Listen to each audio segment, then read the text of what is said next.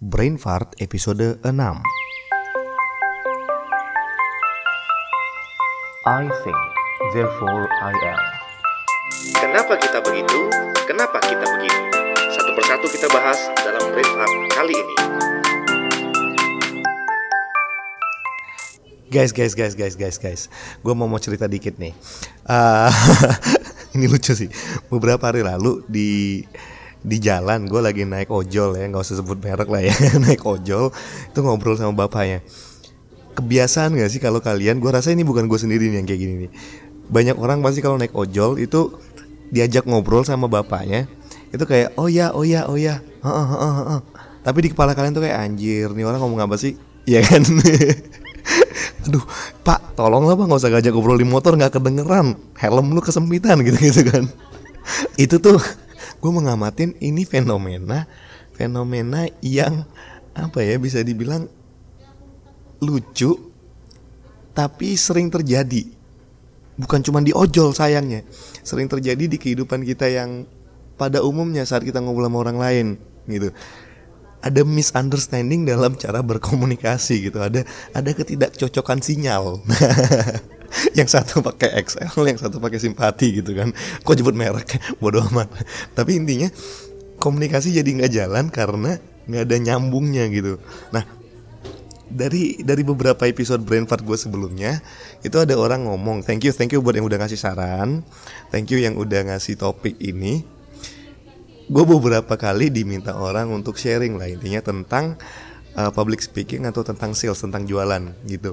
Dan ada ada baiknya gue rasa gue ngomongin itu di brain fart gue supaya bisa diulang-ulang didengarkan. Karena kalau gue ngomong cuma sekali dua kali depan orang ya belum tentu dia bisa ngulang lagi. Tapi kali ini izinkan gue ya untuk ngobrolin tentang komunikasi ini di brain fart episode 6 ini. Oke? Okay? nah dari yang gue tahu nih selama gue belajar tentang public speaking, belajar tentang sales gitu dan ngajarin juga atau ngasih training juga tentang public speaking dan sales. Selama ini yang gue tahu komunikasi itu bukan cuman tentang isi konten yang mau disampaikan atau apa yang mau diomongin gitu, apa yang mau didapatkan dari pembicaraan itu, tapi lebih lebih dari itu adalah gimana cara nyampeinnya.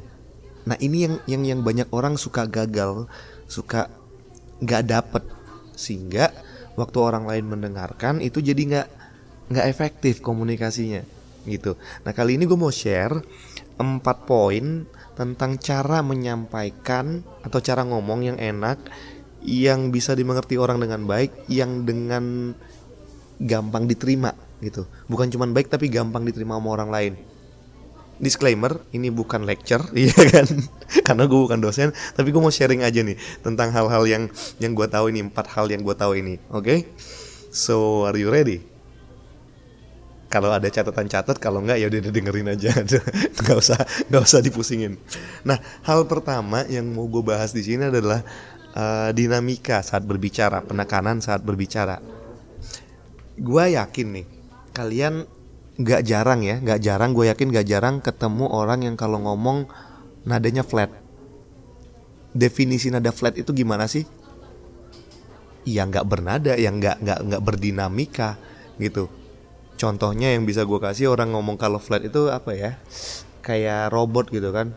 Halo nama saya Kobi saya sekarang di Jakarta Nah orang-orang yang ngomong kayak gini tuh susah banget dimengerti karena kita nggak tahu orang ini serius atau enggak orang ini semangat atau enggak dan bahkan kalau dia sampai ngomong lebih dari 10 menit kita jadi susah nih nangkepnya nih.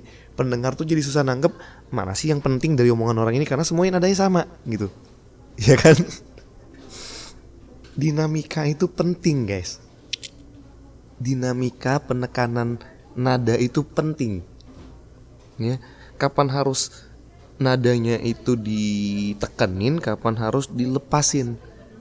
Contoh kalau misalnya kalian ngomong sama temen atau sama pacar kalian gitu gue nggak suka ya kalau lu nggak ngangkat telepon gue temen lu atau pacar lu tuh bakal nangkep nggak kalau lu ngomongnya kayak gini? Gue tuh nggak suka ya kalau lu nggak ngangkat telepon gue enakan mana kayak gitu atau gue tuh nggak suka ya kalau lu nggak pernah ngangkat telepon gue atau mungkin kalau udah marah banget gue tuh nggak suka ya kalau lu nggak ngangkat telepon gue ditekan ya kan ada penekanan. Nah itu beda. Beda nadanya beda penekanannya beda yang ditangkap. Gitu. So dinamika ini penting. Penting banget. Salah satu yang paling penting menurut gue nah terus ada juga orang yang eh, kalau ngomong itu yang dinamikanya di belakang tuh konstan. Konstan dalam artian kita nggak bisa ngebedain ini pertanyaan atau pernyataan gitu. Ada yang kalau ngomong karena gua lapar makanya gua makan. Satu tambah satu sama dengan dua. Kayak lu nanya lu ngejelasin atau apa? Ya kan? Nah itu juga salah satu kesalahan dinamika yang banyak orang suka miss. Atau itu karena kebiasaan entah itu karena nggak dilatih tapi banyak miss Selain dinamika, hal kedua itu yang nggak kalah pentingnya juga adalah pitching atau tinggi rendah nada. Tinggi rendah nada ini menunjukkan intensitas semangat lu atau penting enggaknya atau krusial enggaknya apa yang mau lu sampein. Contohnya, kalau misalnya lu lagi happy banget nih ya, kalau lagi happy banget dapat kado baru atau dapat mainan baru, dapat baju baru dari orang dikasih intinya gitu. Lu bakal kayak, "Wah, makasih ya." Nadanya tinggi gitu. Itu terdengar excited. Ketimbang kalau lu nerima kado ngomongnya, "Wah, makasih ya." Kayak nggak niat gitu loh, kayak nggak seneng gitu kan. Jadi pitching itu juga penting gitu. Ada orang yang kalau ngomong bener-bener nggak peduli tentang pitchingnya, nggak tahu kapan dia harus tinggi, kapan dia harus rendah. Itu itu bahaya. Menurut gua itu bisa merusak message yang mau lu sampein. Nah, secara umum orang-orang yang pitchingnya rendah itu dipandang sebagai orang yang dewasa, tenang, bijaksana. Sedangkan orang yang ngomongnya pitchnya tinggi sering banget ngomong pitch tinggi itu bisa dibilang kadang orang itu terlalu excited atau mungkin susah dipercaya. Nah, tapi saat lu bisa mengkomposisikan dengan baik pitch itu, orang jadi dapat kapan lu excited, kapan lu serius. Gitu nada yang serius itu yang rendah seperti ini itu biasanya dipakai sama bos-bos kalau meeting. Sedangkan kalau yang tinggi-tinggi kayak gini itu biasa dipakai sama orang-orang yang yang kadang dia sendiri bingung mau ngomong apa ngerti kan maksudnya nah pitching itu mempengaruhi banget di garis bawahin pitching hal kedua ini mempengaruhi banget. Oke yang ketiga yang mau gue bahas adalah tentang pace kecepatan berbicara. Udah kebayang ya?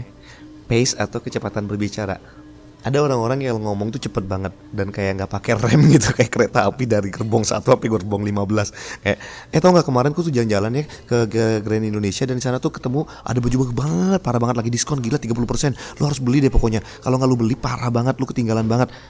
Kira-kira orang bakal nangkep nggak? Atau kalau misalnya cerita tentang film, oh lo nggak bentar lagi tuh ada film yang bagus banget bakal keluar, Lion King. Kalau nggak salah Juli ya, tengah-tengah Juli gitu. Itu filmnya bagus banget literally kalau orang ngomongnya kayak gitu lu bakal susah ngerti ini orang mana yang bakal gue tangkep mana yang enggak nih. Pesannya yang mana? Karena otak kita bakal switch. Gitu otak lu cuman bisa switch fokus terhadap hal-hal tertentu dan gak bisa dijejelin semuanya dalam waktu bersamaan dalam waktu yang singkat. Ya mungkin beberapa kali gue juga ngomong cepat cuman ada kalanya kan gue rem. Dan pacing itu sendiri ada yang namanya pause itu ada kalanya lu berhenti untuk membiarkan orang konsum menikmati dan menelaah apa yang lu omongin. Contohnya yang gue pakai sekarang.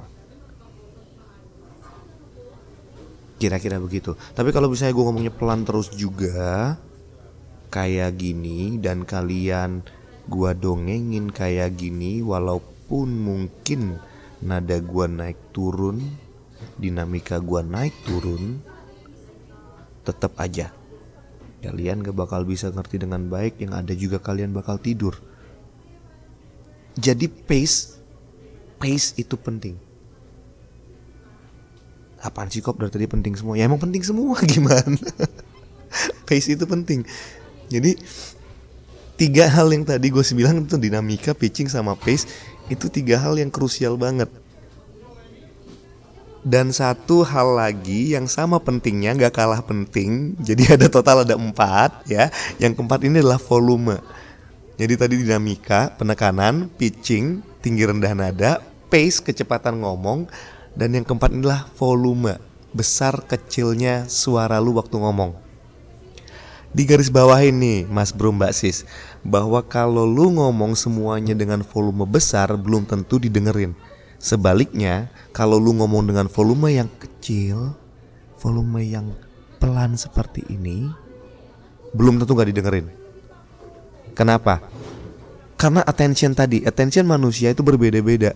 Saat lu ngomongnya keras mulu, jadi kalau orang ngomel-ngomel mulu, keras-keras mulu, teriak-teriak mulu, percayalah jadi nggak ada yang spesial. Gitu, pesannya jadi nggak dapat karena nggak ada yang spesial. Tapi saat lu dengan nada yang besar kayak gini, terus tiba-tiba lu dengerin baik-baik ya. Yang penting adalah penempatan. Yang penting adalah kapan lu ngomong dengan suara yang besar, kapan lu ngomong harus pelan-pelan.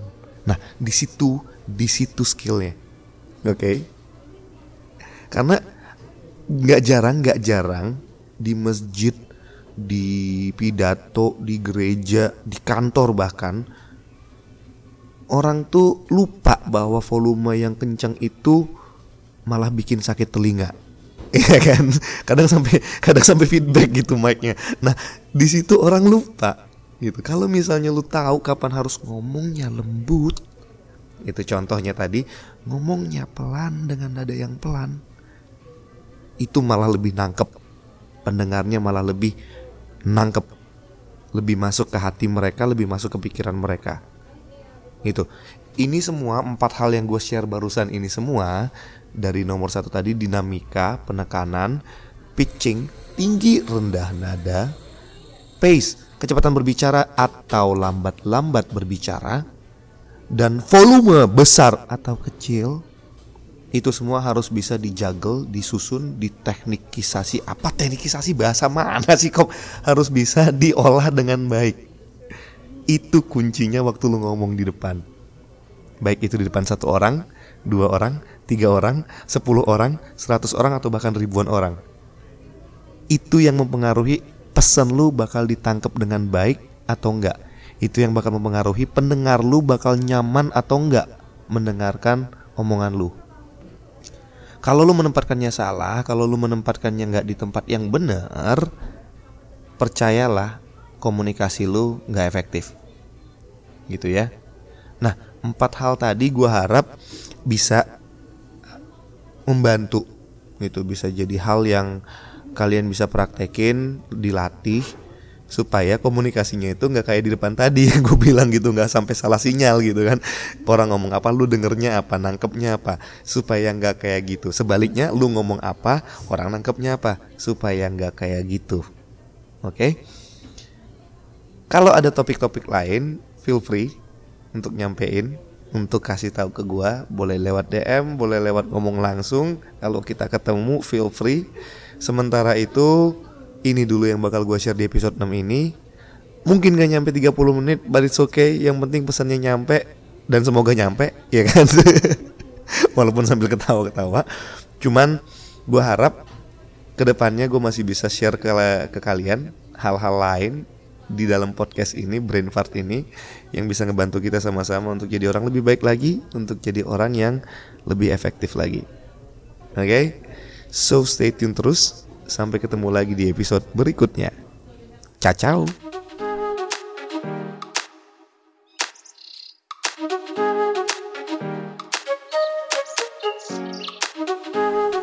Thank you for listening. Like and share if you enjoyed this, and see you again in the next Brain Fart episode.